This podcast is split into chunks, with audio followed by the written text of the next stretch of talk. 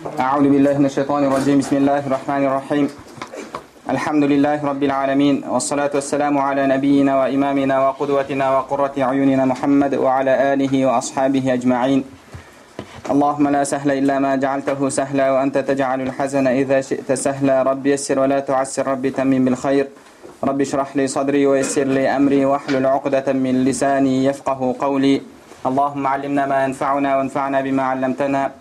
وزدنا علما وعملا وتقا وإخلاصا يا رب العالمين أما بعد السلام عليكم ورحمة الله وبركاته إن شاء الله الله سبحانه وتعالى қалауымен бидат тақырыбын жалғастырамыз біз өткен дәрісімізде имамдарымыздың әхлусна ул жамаа имамдары имам шафии имам науауи имам ибн хаджар асқалани имам ибн асир тағы да сол сияқты басқа да имамдардың бидатқа қатысты сөздерін оқыған едік. Ол кісілер сөздерінде бидатты екіге бөлінетінін айтып жатыр. Жақсы бидат жаман бидат деп бөліп жатыр. Ең бірінші бұны бөлгендерден имам шафии яғни бізге сөзі жетіп келген ғұламалардан имам шафии рахмауллах әл бидату бидатан бидат екі түрлі болады деген. Енді біз пайғамбарымыз саллаллаху алейхи вассаламның хадистерін оқыдық. Хадисінде күллі бидатин далаля деп жатыр. Барлық бидат адасушылық деді барлық бидат адасушылық енді пайғамбарымыз саллаллаху алейхи вассалам күллі бидатин далаля деп жатса ол кісілер қалайша бидат екіге бөлінеді деп жатыр бұны қалай түсінеміз бізде қазіргі кезде көп айтылатын сөз де осы пайғамбар саған күллі бидатин деп жатса сен маған имам шафи айтты дейсің анау айтты мынау айтты дейсің деді енді кез келген таймимен кездесетін болсаңыз енді сол медресенің ұстанымын ұстанып жүргендер ғой. Енді бұл бір ә, кемсіту сөз емес. Мысалы имам абу ханифа ол кісінің мазхабын ұстанып жүргендерді ханафи дейміз шафиайды ұстанып жүргендер шафии. Сол сияқты ибн таймияның медресесінің шәкірттеріне немесе түлектеріне тайми деуге болады. Немесе әлбәнилер деуге болады әлбәниттер деп жалпы сол мазхаб ұстанбайтын осы ахи бауырларымызға кездесіп қалсаңыз олар қалайша имам шафии олай айтады деді. Қалай имам науи олай айтады. Енді олар адам ғой қателеседі ғой. Пайғамбарымыз саллаллаху далаля деп жатыр деді. Олар қалайша бұлай айтады деген сөзді айтады. Біріншіден оны айтып жатқан кісілер бізден де олардан да шариғатты жақсы түсінетін пайғамбарымыз саллаллаху сүннетін білетін кісілер. Екіншіден ол кісілер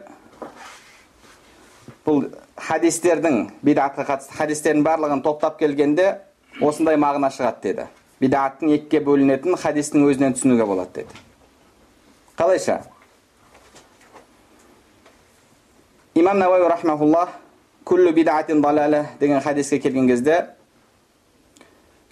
күллі сөзін хәза лафзун аммун махсус деді хәза лафзун аммун махсус бұл жалпылама келген сөз бірақ тақсис жасалынған деді тақсис жасалынған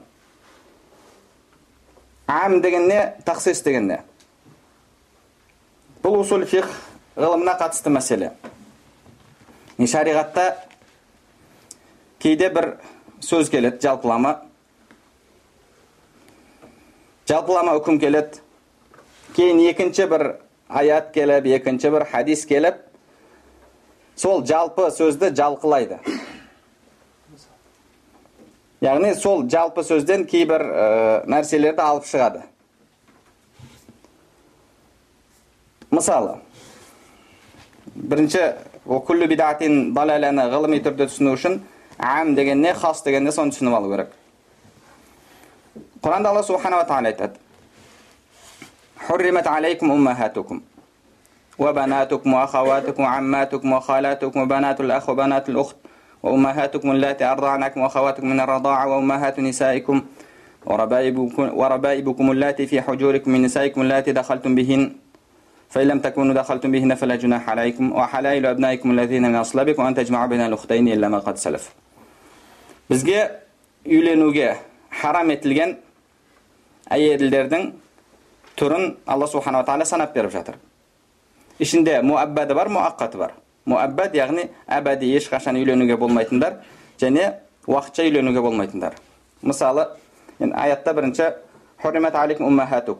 аналарың сендерге харам етілді деді уабанатукум қыздарың уахаватукум әпке қарындастарың уамматукум амма яғни тетя әке жақтан әпке уахалатукум шеше жақтан әпкелер тетя уабанатул ах ағаңыздың ініңіздің қызы уабанатул ухт әпке қарындасыңыздың туған әпке қарындасыңыздың қыздары емізген аналарың және сүт қарындас әпкелерің яғни бірге емізген одан кейін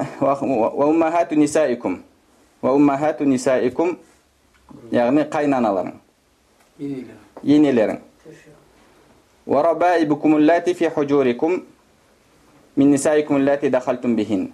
және сендер үйленіп қосылған яғни жыныстық қатынаста болған әйелдеріңнің қыздары деді. Және басқа күйеуінің қыздары. Бұл жерде ескерте кететін нәрсе осы аятқа қатысты ғұламаларымыз фихта мынандай ереже айтады. Әл ақду алал банат юхарримул уммахат әл ақду алал банат юхарримул уммахат яғни қызбен үйлену анасын харам етеді.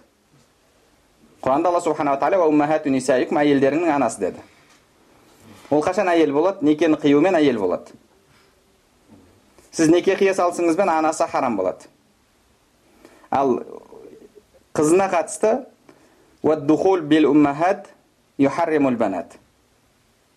ал егер қыздың анасымен мысалы неке қисаңыз бірақ қосылмай тұрып талақ берсеңіз қызын ала аласыз қосылсаңыз қызын ала алмайсыз сізге харам болады себебі құранда алла субханала тағала қызға қатысты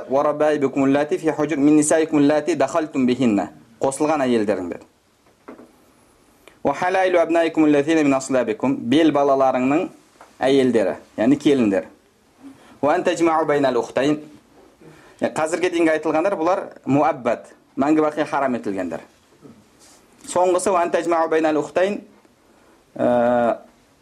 әпке сіңіліні бір некеде ұстау бұл муаққат яғни егер әпкесімен ажырассаңыз сіңілісін алуға болады немесе сіңілісімен ажырассаңыз әпкесін алуға болады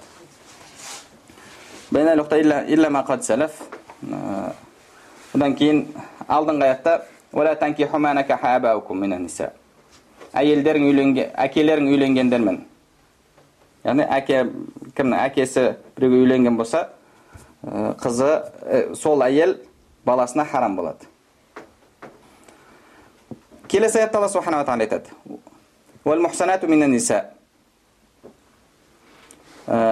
күйеуге шыққан әйелдер яғни олар да харам олар уақытша харам аяттан осы аяттан кейін алла субханала тағала аяттың жалғасында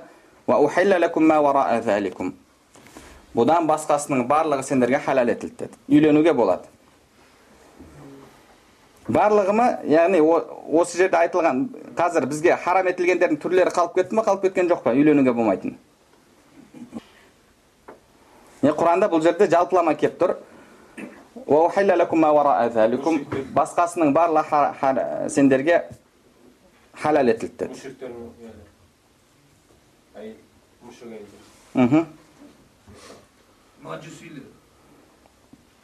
Ол әхіл китаптан басқасының барлығы.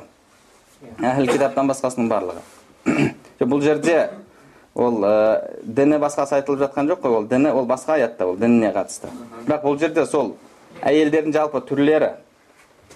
Түрін айтылды ма дейсіз құранда алла субханала тағала осы аталған әйелдердің түрлерінен басқасының барлығы сендерге халал етілді деді. Бұл жерде дін негізі дін мәселесі айтылып жатқан жоқ. Себебі ол әлгі әйеліңіздің қызы да ол әхіл китап болуы мүмкін. Әхіл китап болуы мүмкін сол сияқты. Құранда аятта бұл жерде осы аталған әйелдердің түрлерінен басқасының барлығы сендерге халал етілді деп тұр. Жалпылама келіп тұр. Бірақ пайғамбарымыз саллаллаху алейхи вассалам өзінің хадисінде осы жалпы әйелдердің түрінен тағы бір екі түрді алып шығады. Бұларға да үйленуге болмайды. Бұл харам етіледі деді. Қалайша? Пайғамбарымыз саллаллаху хадисінде деді. Яғни сіз бір қызға үйленсеңіз үйленсеңіз. Одан кейін ә, құранда аятта оның туған әпкесін немесе сіңілісін алуға болмайды бір некеде ұстауға. Ал ол сіз бір әйелге үйленіп тура сол уақытта оның тетясымен бір некеде болуға болады ма? Амма немесе халя бұл болмайды. Ол да шариғатымызда харам етілген нәрсе. Ол бірақ мына жерде айтылған жоқ қой. Алла субханала тағала бұдан басқасының барлығы сендерге халал етілді деді яғни ол жалпылама келді да сендерге мынаның барлығы халал етілді деді пайғамбарымыз саллаллаху алейхи өзінің хадисінде оның ішінен кейбір әйелдердің түрлерін тағы да исключение жасап шығарып тастады яғни бұны не дейді? Жалпылама келген сөзді тахсис жасау дейді. Тахсис яғни бұл әйелдердің түрлері де әлгі ә, бір некеде қыз бен оның әпкесін нағашы әпкесі немесе әкесі жағынан әпкесін бір некеде ұстауға болмайтындығын пайғамбар саллаллаху хадисінде көрсетті. Бұны шариғатымызда жалпы келген үкімді тақсис жасау дейді. Жалқылау. Жалпыны жалқылау. Түсінікті ма? Иә. Жалпылау ә, тақсис дегеніміз не? Мысалы. Мағыналау.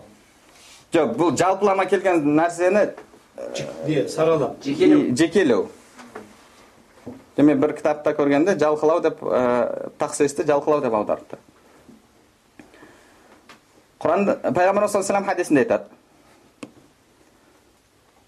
Фи арбаина шатан шатун фи арбаина шатан шах яғни қырық қойдан бір қой қырық қойдан бір қой зекетке қатысты айтқан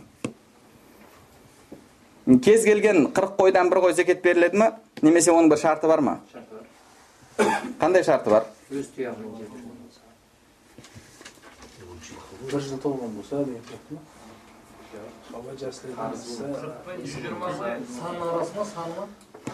жоқ әлгі өз тұяғымен жеп жүру мәселесі. Енді пайғамбар саллаллаху мына жерде фи арбаина шатан шатун деді қырық қойдан бір қой деді. Бұл жерде ешқандай шарт айтқан жоқ. Бұл жалпылама келіп тұр. Екінші хадис келді. Фи деп келді. Саима жайылып жүрген. Яғни алты айдан көп жылдың жартысынан көбісін ол өрісте өткізу керек.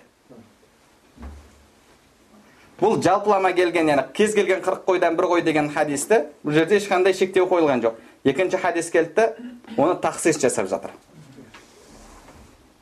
Түсінікті ма тақсис дегеніміз не екен? Тағы бір мысал. Құранда алла субханала тағала айтады. Құранда алла субханала тағала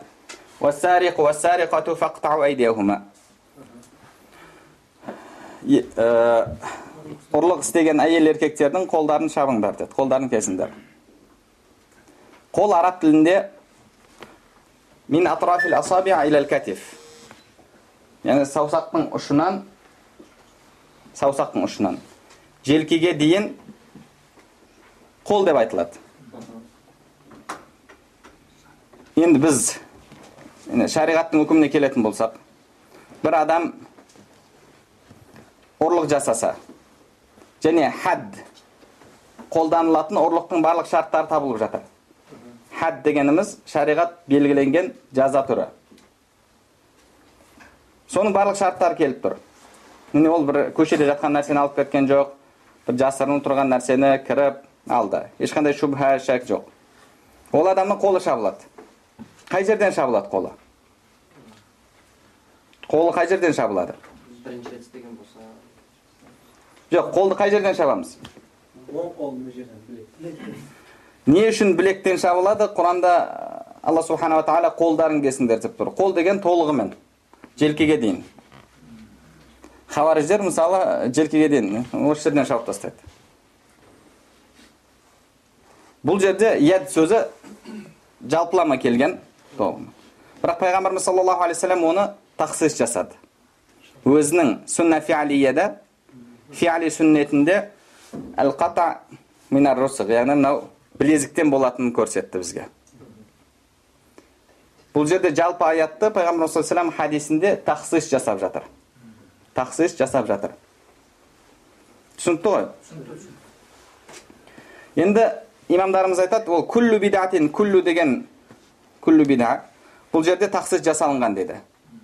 Ол тақсис жасалынғаннан кейін күллу дегенмен ол өзінің барлық ә, яғни барлық кез келген бидат деген мағынаны бермейді деді.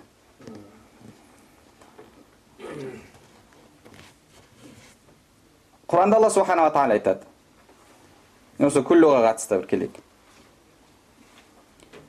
Ахқаф сүресінде. Алла субханала тағала ахқаф яғни худ қауымына жаза жіберген жайында айтады.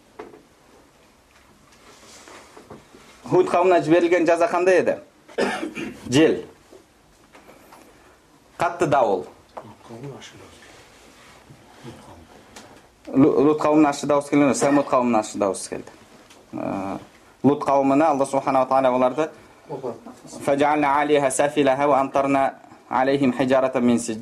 яғни оларды қопарып тастадық және тас жаудырдық деді худ қауымына алла субханала тағала жел жіберді дауыл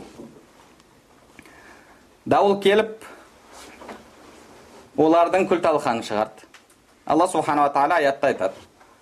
Тудаммиру кулла шейин би амри раббиха тудаммиру кулла шейин би амри раббиха әлгі дауыл раббысының бұйрығымен барлық нәрсені талқандады деді. Күллә шей деген барлық нәрсе. Яғни бұл жерде күллә шей тікелей алатын болсақ барлық нәрсені талқандады деген сөз. Яғни барлық нәрсенің ішіне не кіріп кетеді? Мысалы құранда алла субханала тағала айтады аллаху халиқу күллі шей алла барлық нәрсені жаратушы деді яғни күллі шейден бір нәрсе шығып кетеді ма яғни алланың жаратылысы болмаған бір нәрсе бар ма? Барлық нәрсе. Күллі шей. Енді тудаммиру күллі шей барлық нәрсені деп тұр. Яғни алла субханала тағала жаратқан барлық нәрсенің барлығын ол талқандап тастады ма желге келген жер? Аспанды жерді аршыны күрсиді жұлдыздар ай барлығын қиратты ма? Құранда күллі шей деп тұр ғой.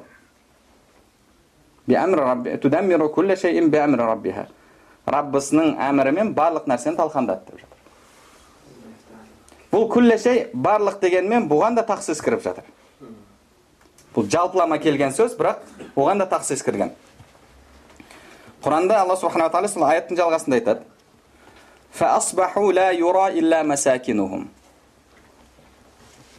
үйлерінен басқа еш нәрсе көрінбей қалды деді үйлерінен басқа барлық нәрсе жоқ болды деді үйлерінен басқа басқа бір аятта «Ватилка буютухум хауятан бима заламу». зұлымдық істегендерінің себебімен үйлері қаңырап бос қалды деді. Енді сол адамдарды малды бар әлгі ә, та- талқандауға келетін нәрселердің барлығы кетті да үйлері қалды. Яғни күллі шей деген кезде бұл жерде талқандауға келетін талқандалуға бейім талқандалуы жеңіл болған нәрселердің барлығын талқандады деген сөз. Күллі шей деген кезде бүкіл барлық жаратылыс айтылып жатқан жоқ сөздің өзіне келетін болсақ күллі шәй деген тікелей мағынасын алсақ барлық нәрсе кез келген нәрсені.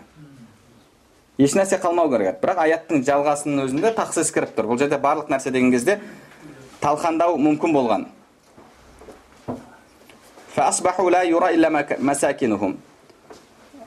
Тек қана үйлерінің қабырғасы қалды.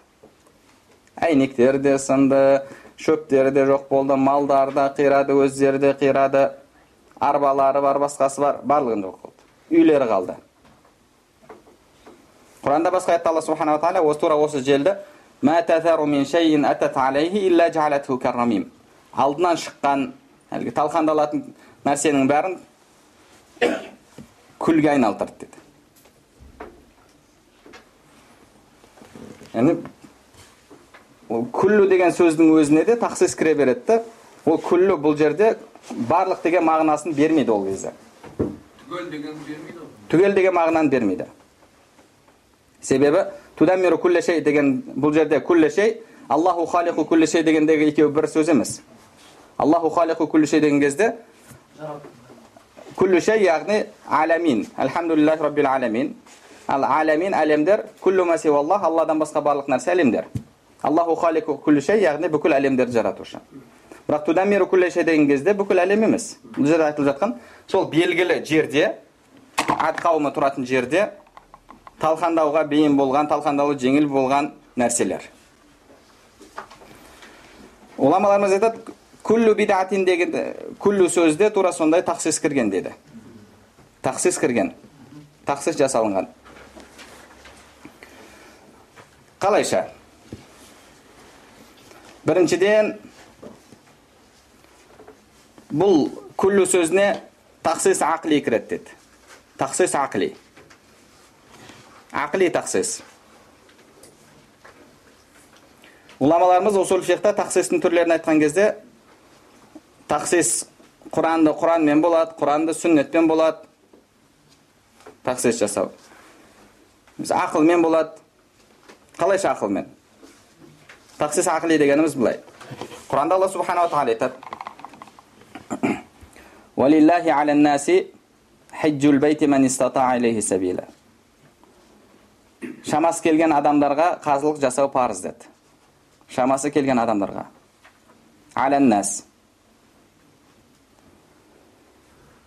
Бұл жерде нас сөзі Құл аузу би раббин настағы нас мағынасында ма? Құл аузу би раббин нас. Адамдардың Раббысын Раббысынан раббысына сыйынамын шайтаннан пана тілеймін адамдардың раббысы яғни адам атадан бастап қияметке дейінгі барлық адамдардың раббысы алла субханала тағала адамдарға қажылық жасау парыз етілді деген кезде адамдардың барлығы кіреді ме осыған адамдардың барлығына қажылық жасау парыз ба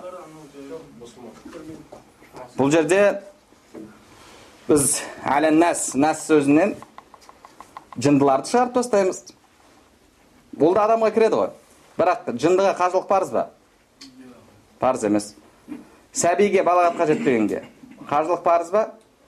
Парыз емес. Дінге кірмеген адамға қажылық парыз ба? Парыз емес. Бұл жерде уалиллахи аляннас адамдарға дегенмен яғни белгілі сипатқа ие болған адамдарға. Ол басы бос болған дін исламды қабылдаған балағатқа жеткен шамасы келетін ол аяттың өзінде айтылып тұр.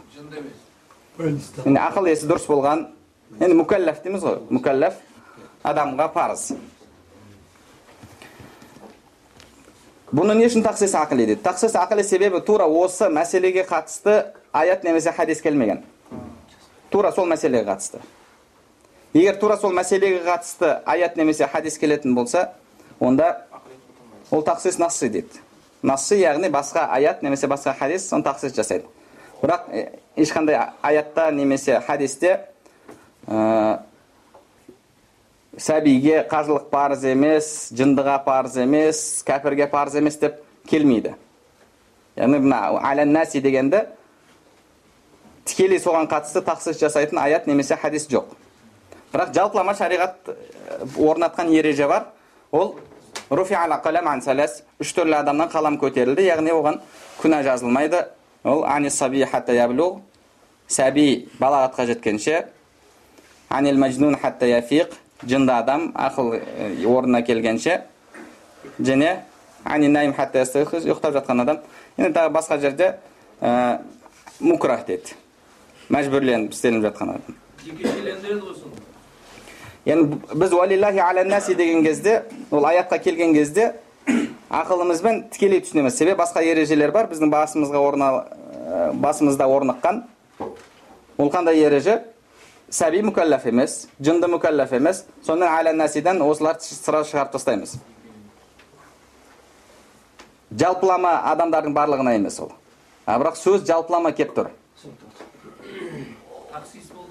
бұл жерде бұл тақсис болып тұр Акли. тақсис ақли енді күллі бидаатин дегенде биdaa деген сөзіміз не биdaa деген кез келген жаңа пайда болған нәрсе күллі мухдасатин биdaa әрбір жаңа пайда болған нәрсе бидаат уа күллі бидаатин далала және әрбір бидаат адасушылық деді мухдас деген нәрсе бидаат деген кез келген жаңа пайда болған нәрсе яғни пайғамбарымыз саллаллаху алейхи кезінде пайда болмаған мысалы қарудың түрі кейіннен пайда болса ол уже адасушылық болады тікелей алатын болсақ оны қолдану егер бір көлік түрі пайда болған болса ол адасушылық болады пайғамбарымыз саллаллаху алейхи вассалам осы сөзді айтқан кезде айтқан кезде болмаған кейіннен пайда болған дүнияуи барлық нәрсенің бәрі бидаат болады да ол адасушылық болады егер тікелей алатын болсақ онда мынау парталарымыз да бидаат біздің машиналарымыз да бидаат үйлеріміз де бидаат холодильниктеріміз де бидаат барлық пайғамбарымыз саллаллаху вассаламның кезінде болмаған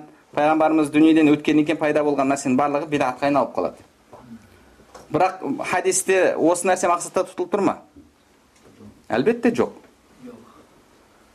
оны қайдан білдік пайғамбарымыз саллаллаху алейхи вассалам деді бұл құрмаға қатысты құрманы тастай салма оны қырып қырып қоя қоя салмадыңдар ма дейді сахабалар солай істеді сөйтіп ә, келесі жылы сол күтілгенде жемісін бермейді пайғамбар саллаллаху айтқан кезде пайғамбарымыз мен бұны тек қана өзім жеке ойым ретінде айтқан едім әнтум а'ламу би умури дүниякум деді ол дүниеуи мәселелерді сендер жақсырақ білесіңдер деді яғни сіз терезеңізді оң жағынан шығарасыз ба үйіңіздің оң жағы күншығыс жағына екі терезе қойып мына жағына бір терезе қоясыз ба бұл дүнияуи мәселе шариғат оны бізге үйретуге келген жоқ пайғамбарымыз саллаллаху алейhi дүние істерін өздерің жақсырақ білесіңдер деді пайғамбарымыз бізге дүнияны емес дүнияуи мәселені емес дінді үйретуге келді дінді үйретуге келді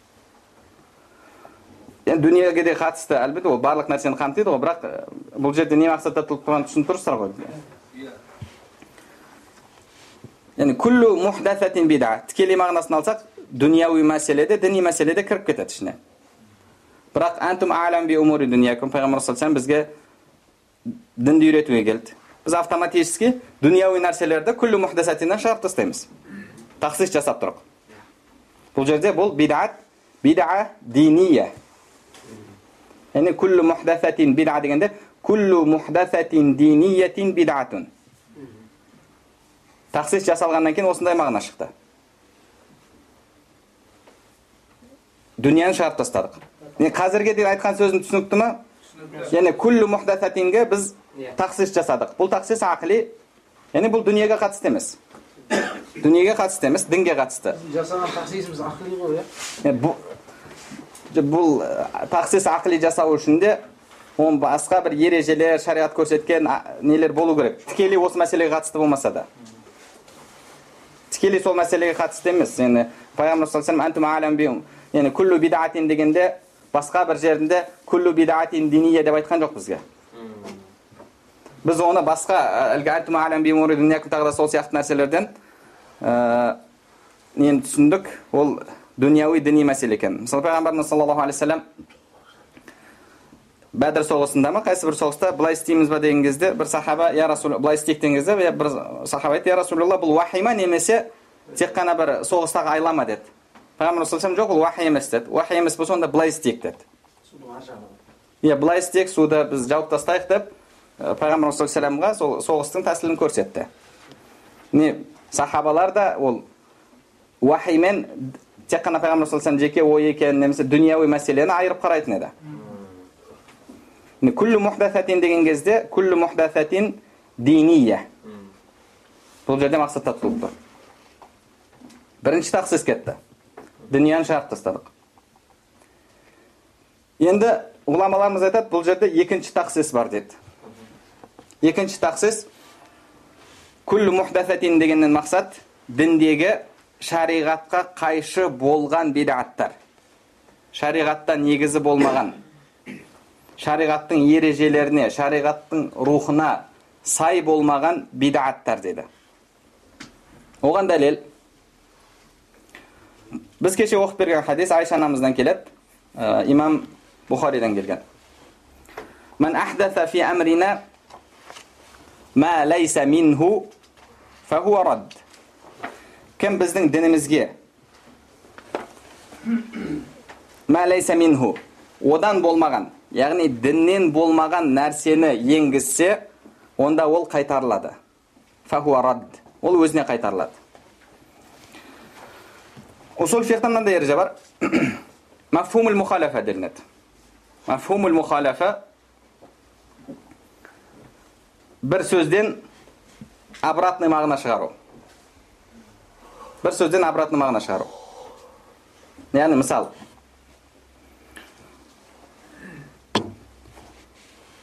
Сіз біреуге айтасыз.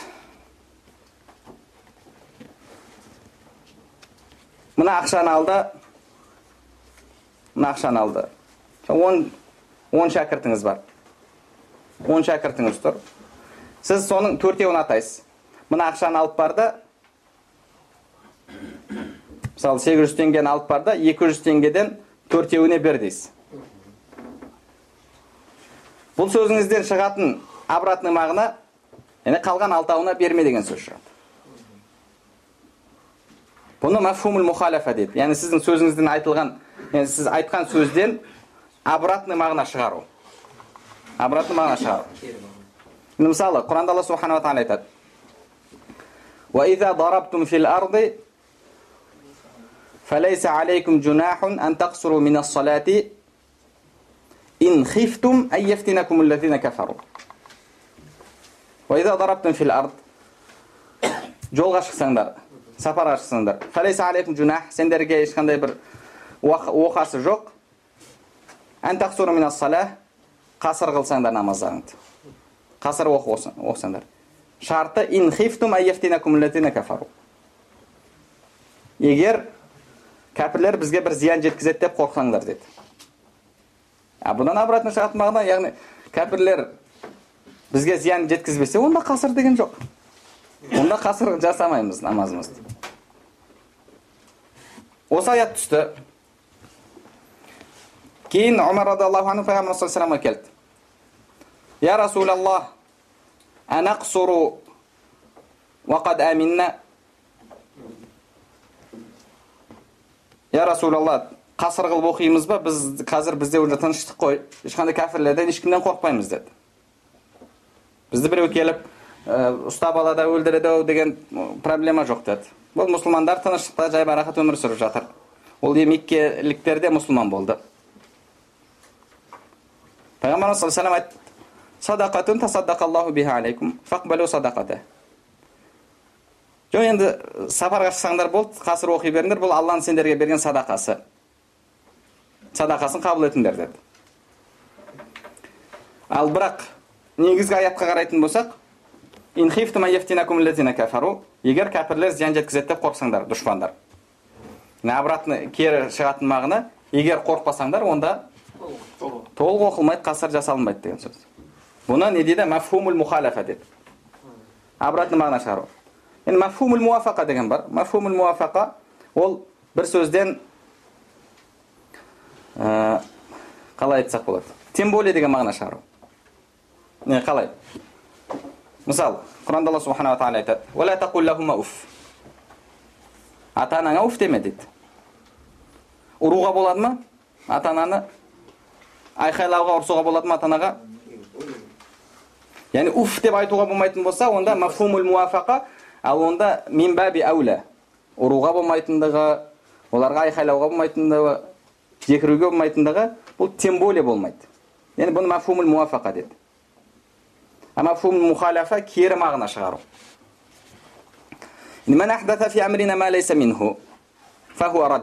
кім біздің дінімізге діннен болмаған нәрсені енгізсе өзіне қайтарылады мына жерде өте маңызды сөз бұл мә ләйса минху мән ахдаса фи әмрина яғни мән ахдаса фи динина фи әмрина деген фи динина мә ләйса минху әй мә ләйса мин дин фахуа раддун әй мардудун яғни ол өзіне қайтарылады деп жатыр енді мафхум мухалафа шығарайық енді мафхум мухалафа мән ахдаса фи әмрина ма хуа минху фахуа лейса бимардуд кім біздің дінімізге діннен болған нәрсені енгізсе онда ол қайтарылмайды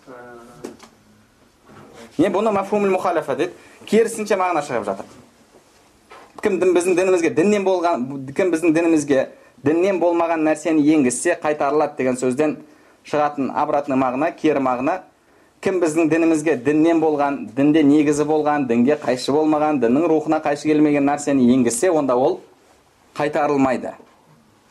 Онда ол қайтарылмайды. Яғни күллу бидатин дегенді мынау хадис екінші хадис тәфсирлеп оны тахсис жасап жатыр. Енді бірінші тахсис қандай болды? Тахсис ақли болды. Да күллу бидатин диния деген мағына шықты.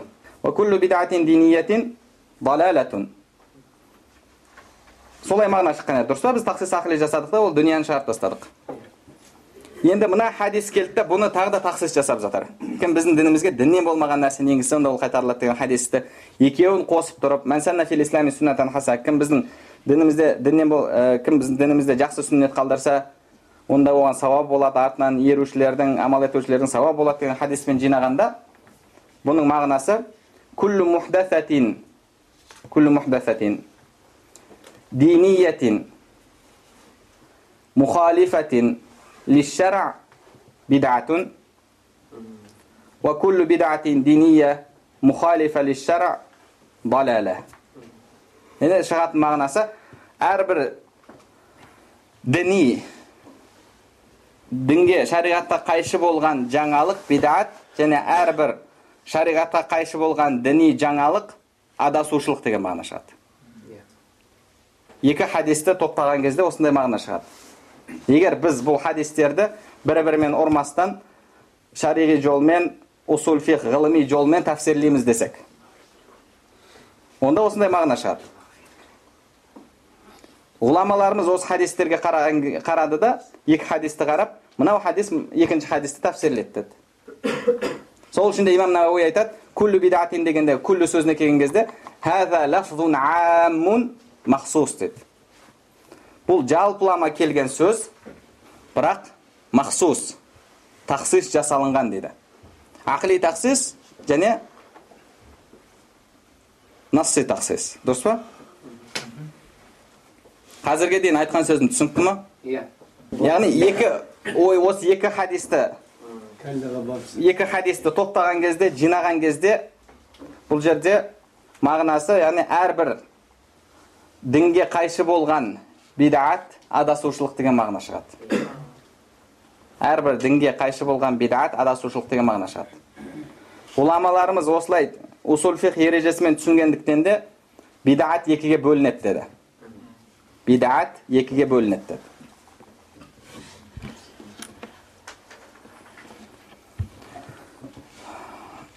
Біздің ахилардың мынандай бір жақсы ережелері бар. Қазіргі кезде олар біз сәләфиміз деп айту керек деді. Біз сәләфиміз деп айтуымыз керек. Ол бізге міндет деп айтады.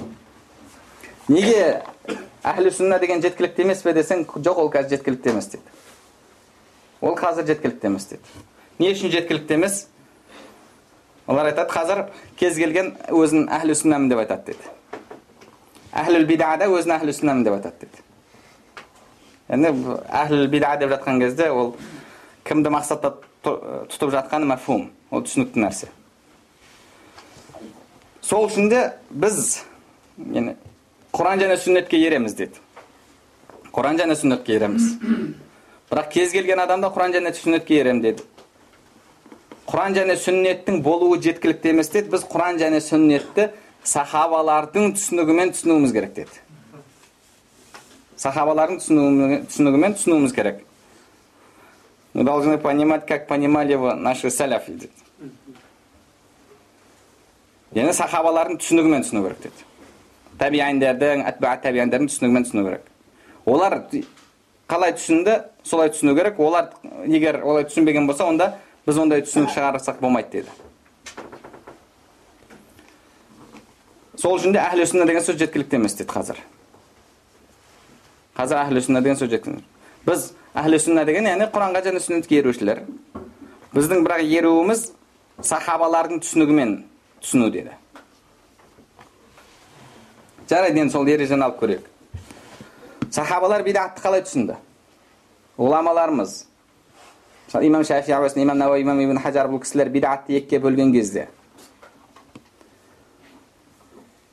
сахабаларға қарады ма сахабалардан бұған дәлел бар ма екен жоқ па екен имамдарымыз айтады сахабаларға қарап көрсек сахабалар да біз қазір түсіндіріп беріп жатқандай түсінген екен дейді тура біз түсіндіріп беріп жатқандай түсінген екен қалайша ол имамдарымыз айтады біз сахабалардың тарихына қарап көрдік деді сахабалар пайғамбарымыз саллаллаху алейхи уассаламның күллі бидатин далала әрбір бидат адасушылық деген хадисін кім біздің дінімізге діннен болмаған нәрсені енгізсе онда ол өзіне қайтарылады керісінше мағынасы діннен болса онда ол қайтарылмайды деген хадиспен тәпсірлеп солай түсінген екен деді олар солай айтып кетті ма бір сахаба солай айтты ма бұны мынамен тәпсірлеу керек бұл сульфихта осындай ереже бар деп айтты ма жоқ оны айтқан жоқ қалай түсіндіңіздер олар айтады біз олардың амалына қарап түсіндік дейді олардың амалына іс әрекетіне қарап түсіндік біз бұны мына хадисті екінші хадиспен шарықтап тәпсірлеп жатқан кезде мына келген ам яғни жалпылама келген сөзді мына мәлайса минхумен шарықтап жатқан кезде тақсис жасап жатқан кезде бұны біз бірінші болып айтып жатқан адамдар емеспіз деді бұны бірінші болып сахабалар істеген деді бұны сахабалар істеген және пайғамбарымыз саллаллаху алейхи вассаламның өзі кім біздің дінімізге діннен болмаған нәрсені енгізсе өзіне қайтарылады деген сөзді өмірінде практика жүзінде бізге көрсетті пайғамбарымыз саллаллаху өзі бізге көрсетіп кетті айтқан пайғамбарымыздың өзі дұрыс па деген пайғамбарымыз енді сол сөзін ісінде практика жүзінде бізге көрсетті қалайша сахабалар да енді мен екеуін қосып түсінді да пайғамбарымыз саллаллаху кезінде пайғамбарымыз саллаллаху көрсетпеген амалдарды істеді пайғамбарымыз саллаллаху істемеген пайғамбарымыз саллаллаху көрсетпеген істерді істеді амалдарды жасады және оны олар бидат деп көрген жоқ яғни кез келген діндегі жаңалық бидат деп түсінген жоқ олар шариғатқа қайшы болса ол адасушылық ол бидат деп түсінді оған дәлел имам бұхаридан келеді имам муслимде де келу керек әбу хурайра радиаллаху анхудан келетін хадис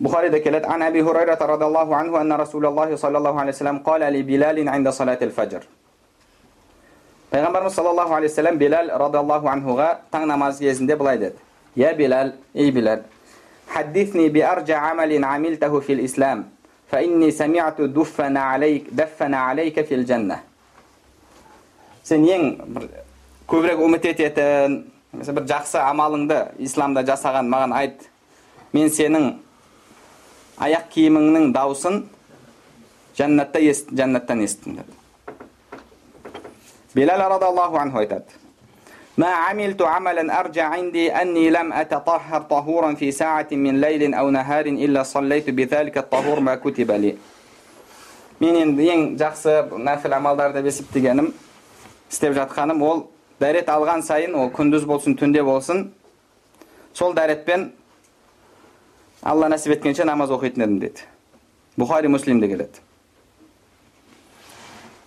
термизиде келеді осы хадис тағы да сәл кеңірек түсіндіріп береді имам термизи бұны хадисун хасанун сахих дейді хадис хасан сахих яғни бұл қалайша бұл хадис әрі хасан әрі сахих па ғұламаларымыз хасанун сахих деген сөз келген кезде айтады бұл имам термизи бір хадисті риуаят етіп бұл хадис бұл хадис хасанун сахих деген кезде. Ол хадистің бірақ сәнады болатын болса бір ғана жолмен келген болса бұнда хасанун сахих дегенде ортасына әу деген сөзді қоямыз дейді. Әу. Енді бұл хадис хасан немесе сахих. Ал егер бірнеше жолмен келсе бірнеше санаттармен онда уа деп қоямыз дейді хасанун ва сахих яғни бір жолдары хасан жолмен келеді екінші бір жолдары сахих жолмен келген деді имам термизи айтады пайғамбарымыз саллаллаху айтты дейді қала саллаллаху алейхи уассалам ли бима сабақтани жанна сен қай ісіңмен оздың мені жәннатқа بلال رضي الله عنه جواب برد ما أذنت قط إلا صليت ركعتين. أظن أتسم من ديت ترديك ركعت أخيت من ديت. وما أصابني حدث قط إلا توضأت ورأيت أن لله علي ركعتين. جني أر برداري تلغان ساين يكركت نماز أخيت من ديت.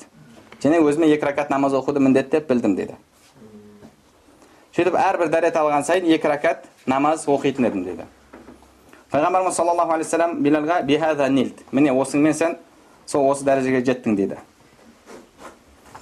imom ibn hajar asqalani rahmaulloh fathal barida babu fadli tahur bil layli wan nahar va fadli salat inda tahur bil layli wan nahar babında 3-cü tom 276-cı betdə aytad Yustafadu minhu cavazul ijtihad fi tawqit al ibada Bu hadisdən бір құлшылыққа уақыт белгілеуде ижтихад етудің жайыздығын түсінеміз дейді бір ибадатқа уақыт белгілеуде ижтихад етудің жайыз екендігін түсінеміз деді لأن بلالا توصل إلى ما ذكر بالاستنباط فصوابه الرسول صلى الله عليه وسلم себебі белал радиаллаху анху әлгі ісіне ижтихадпен жеткен еді дейді яғни өзінше ижтихад етіп жасады пайғамбарымыз саллаллаху алейхи вассалам ол кісінің ісін дұрыс көрді міне біздің ақилар айтады уақыт белгілеу рұқсат етілген амалды бидатқа шығарып жібереді деді. Уақыт белгілеу амалды бидатқа шығарып жібереді деді. Міне ол, ол оларға барып айтсаңыз намаздан кейін құран оқу бидат па десеңіз бидат деді. Сонда құран оқу бидат па десеңіз жоқ құран оқу бидат емес деді. Бірақ намаздан кейін оқу соны намаздан кейін тағайындап соны белгілеп алу ол бидат деді. Ол бидат. Онда ол адасушылық деді. Егер олардың мантығымен олардың логикасымен олардың ережесімен алатын болсақ билал радиаллаху анху бидат бірінші бидатшы болар еді. Себебі билал радиаллаху анху бұл істі пайғамбар саллаллаху сұраған жоқ. Мен осылай істесем болады ма? деген жоқ. Ол кісі өзінше уақыт белгілеп намаз оқып жүрген еді. Уақыт белгілеу яғни әр дәреттен кейін әр дәрет алғаннан кейін намаз оқу. Намазын уақытпен байланыс байланыстырып тұр. Қандай уақыт? Дәрет. Алу уақытымен. Яғни бұл уақыт белгілеу. Имам ибн хажар асқалани айтады яғни ибадатқа уақыт белгілеуде ижтихад етудің жайыздығын бұл хадистен түсінеміз деді. Пайғамбарымыз саллаллаху радиаллаху барып сұрады ма мен осылай істеп жатырмын деп болады ма деп сұраған жоқ пайғамбарымыз саллаллаху алейhi өзі случайно сұрап қалды мен дауыс аяғың дауысын жәннаттан естідім қандай амал істеп жүрсің деген кезде мен осындай амал істеп жүрмін деді егер әрбір бидат діндегі кез келген бидат адасушылық деп ол кісі түсінгенде бұлай істемес еді себебі істеп жатқан ісі жаңа іс ол бидат болып қалады деп барып пайғамбар саллаллаху сұрар еді. Осылай істесем болады ма деп. Бірақ билал радиаллаху анху олай істеген жоқ. Өзінше ижтихад жасап істеп жүр. Және ол ісім шариғат қарсы емес деп көріп. Солай э, түсінгендіктен де сол программа басында болғандықтан да осы нәрсені істеді. Қайшы келмейді. Шариғатқа ешқандай қайшы келіп тұрған жоқ. Жалпы нәпіл яғни екі ракат намаз нәпіл бұл кісінің істеп жатқаны бұл жерде сол нәпілге уақыт белгілеу. Уақыт белгілеу яғни уақыт белгілеу бидатқа шығармайды екен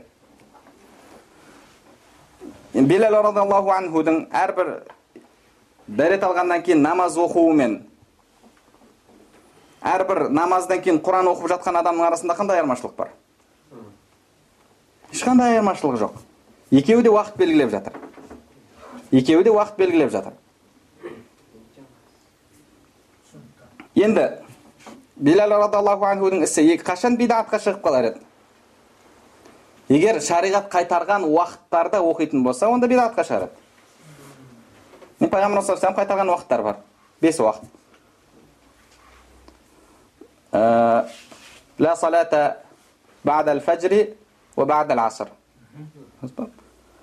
таңның парызынан кейін асырдың парызынан кейін намаз жоқ екі уақыт және үш уақыт бар. Күн шығып жатқаннан хатта татлу күн найза бойы көтерілгенше. Сәске кезі тал түс және күн батып жатқан кезде батып болғанша. Бес уақыт қайтарылған уақыт. Егер ол кісінің істеп жатқан ісі сол уақыттарға сәйкес келсе онда шариғат қайтарған амал болар еді да онда ол бидат болар еді. Ал енді құран оқып жатқан адам пайғамбарымыз саллаллаху алейхи вассалам намаз оқудан кейін құран оқудан қайтарды ма не мынандай бір уақытта құран оқыма деген шариғатта бір ә, харам етілген уақыттар бар ма құран оқуға қатысты жоқ ешқандай ондай енді намаздан кейін құран оқу шариғатқа қай жері қайшы қайсы бір дәлелге қайшы ешқандай дәлелге қайшы емес енді бұл іс пен билал радиаллаху анхудың ісінің арасында ешқандай айырмашылық жоқ екеуі бір нәрсе. Егер біздің құран оқуымыз бидат болатын болса онда билал радиаллаху анхудың ісі бидат болар еді. Енді оған келеді да енді билал бәрібір пайғамбарымыз білді ғой. Пайғамбарымыз білген екен растады ғой. Бірақ сенде оған қандай мүмкіншілік бар? Пайғамбар саған істеп жатқан ісің дұрыс деп хабар береді ма деген сияқты сөзді айтады. Ол мәселеге иншалла тағы да тоқтаймыз. Тағы бір хадис. Хубайб радиаллаху анху хубайб радиаллаху анху ол кісі жайында бұхарида бап келеді яғни ең бірінші өлім намазын оқыған адам ең бірінші өлім намазын оқыған адам ол кісі мүшіріктердің қолына түсіп қалады мүшіріктер айтады біз сені өлтіреміз дейді қалайсың ба пайғамбар сенің орныңда болуын қарашы. Пайғамбарың қазір көлеңкенің астында үйінде отыр. Сен мына жерде сол үшін азапталып жатсың қазір өлейін деп жатсың. Сен орнында болуын қалайсың ба деді хубайб радиаллаху анху пайғамбарымыз саллаллаху алейhi отырған жерінде аяғына тікен кіруін де қаламаймын деді біз сені өлтіреміз деді жарайды өлтіріңдер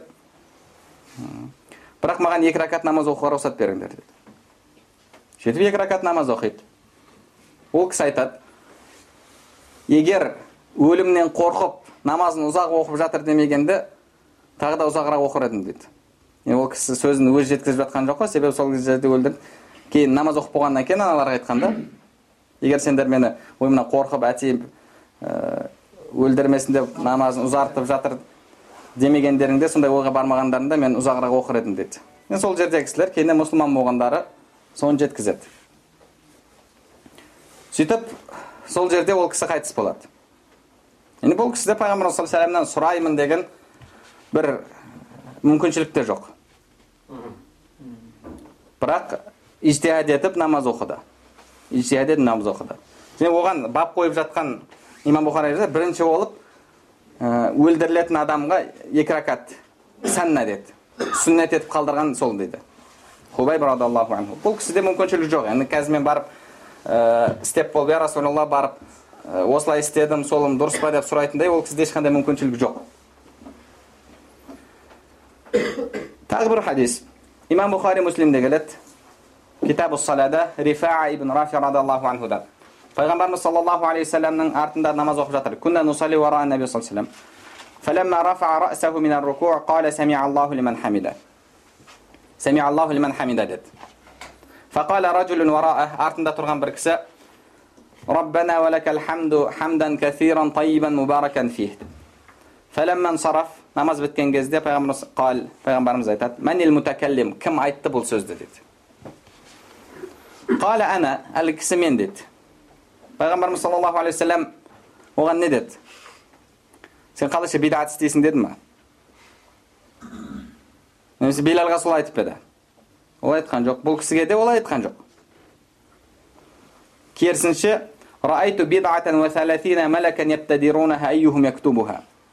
періште таласып қайсысын жазамыз деп жатқанын көрдім деді пайғамбар саллаллаху алейhi бұл кісінің басында кім біздің дінімізге діннен болмаған нәрсені енгізсе ол қайтарылады деген хадис болмағанда бидаттың жа- жақсыға жаманға бөлінетінін түсінбегенде осы іске барар ма еді бармас еді бармас еді бірақ бұл кісі сол сөзді айтып жатыр пайғамбарымыз саллаллаху да қайтарған жоқ бұл нәрсені істеме деген жоқ керісінше қанша періштені көрдім соны таласып жатқан сауабын жазуға деді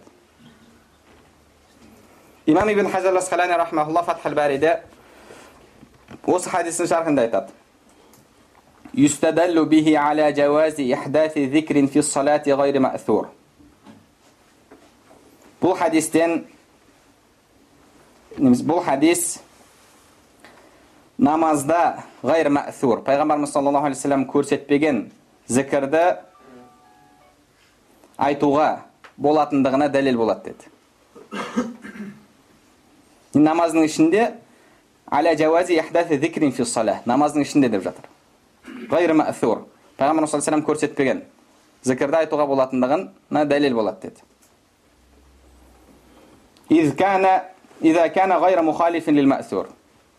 егер мәсур пайғамбарымыз саллаллаху алейхи көрсеткен дұғаға қайшы болмаса деді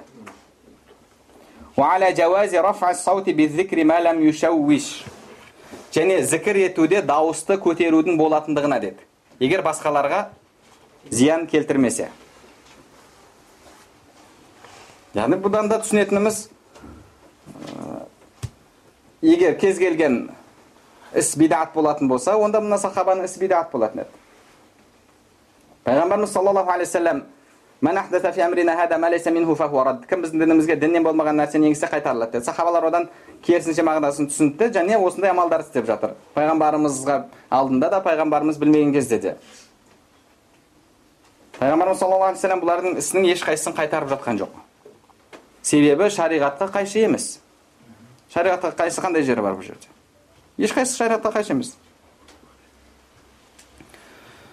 келесі хадис имам бұхари рахмаулла бабул жама байна суратайни фи ракаати фи ракаа деген бапты айтады яғни бір ракаатта екі сүрені қосып оқу бабы китабу сала намаз кітабында عن انس رضي الله عنه قال انس رضي الله عنه айтады كان رجل من الانصار يؤمهم في مسجد قباء كلما قرأ افتتح سورة يقرأ بها لهم في الصلاة مما يقرأ به افتتح بقل هو الله أحد حتى يفرغ منها ثم يقرأ سورة أخرى معها وكان يصنع ذلك في كل ركعة құба мешітінде ансарлардан болған бір кісі өзінің жамағатына имам болатын еді және әр намазда құран оқып берген кезде намаздың ішінде фатиханы оқиды артынша құл аллаху ахадты оқитын және оның артынан басқа бір сүре қосатын әрбір ракаатта осыны істейтін еді деді оның артындағы жамағат ол кісіге осы мәселе бойынша айтады иннака тафтатиху бихадихи сура ثم لا ترى أنها تجزئك حتى تقرأ بأخرى сен ықыласты оқисың ол саған жетпейтіндей ол бір кем бір әлі кем болғандай басқа сүре оқисың деді қосып فإما أن تقرأ بها وإما أن تدعها وتقرأ بأخرى сен я құл аллаху ахадтың өзін оқы я оны қой да басқа сүре оқы деді فقال ما أنا بتاركها жоқ мен бұл ісімді тастамаймын деді ин ахбабтум ан ауммакум ин карихтум тараптукум егер қаласаңдар мен тура осылай оқып сендерге имам болайын.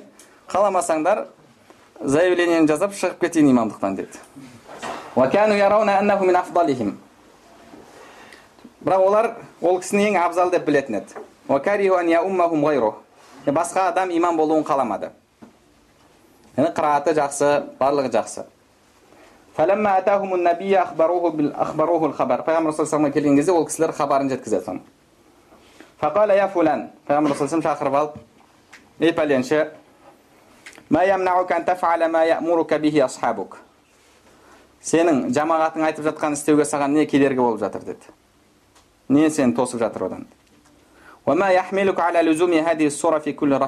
неге әрбір ракаатта осы сүрені оқисың бұны оны лазым етуіңе саған не себеп болып жатыр деді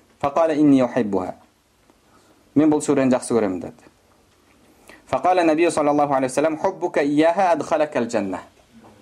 сенің осы сүреге деген махаббатың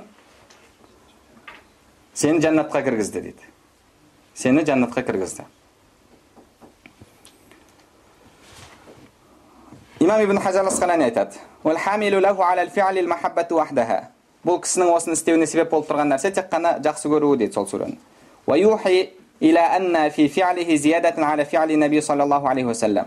және оның ісі пайғамбар саллаллаху ісінен артық дейді. Яғни ол артық бір іс істеп жатыр. Пайғамбарымыз саллаллаху оны сүйіншілеуі разы болғанына дәлел болады деді разы болғанын көрсетеді деді яғни бұл кісі де не істеп жатыр? Белгілеп жатыр. Белгілі бір сүрені белгілі бір уақытта оқып жатыр. Ол әрбір ракатта оқу. Әрбір ракатта оқып жатыр. Яғни бұл кісіде уақыт белгілеп жатыр. Бұл кісіде уақыт белгілеп жатыр. Және сүре белгілеп жатыр. Ахи бауырларымыздың ережесімен алатын болсақ онда бұл кісінің ісі бидат болады. Бұл кісінің ісі бидат болады. Бірақ бұл сахаба бұны түсінгендіктен де осылай істеді. Пайғамбарымыз саллаллаху алейхи вассалам қайтарған жоқ. Енді тура осындай басқа да сахабалардың істеген істері бар. Пайғамбарымыз саллаллаху алейхи оларды мақұлдаған. Пайғамбарымыз саллаллаху қайтарған сахабалар да бар. Яғни олар да ижтихад етіп істер істеген еді. Пайғамбарымыз саллаллаху алейхи вассалам оларды қайтарған. Оны қайтарған. Себебі олардың ісі шариғатқа қайшы ол олар кімдер қандай іс істеді мыналардікі? Иншалла оған алла нәсіп етсе келесі дәрісімізде тоқтармыз. Алла субхана тағала бәрімізге пайдалы білім нәсіп етсін білімдерімізге амал қылуымызды амалдарымыздың қабыл болуын нәсіп етсін.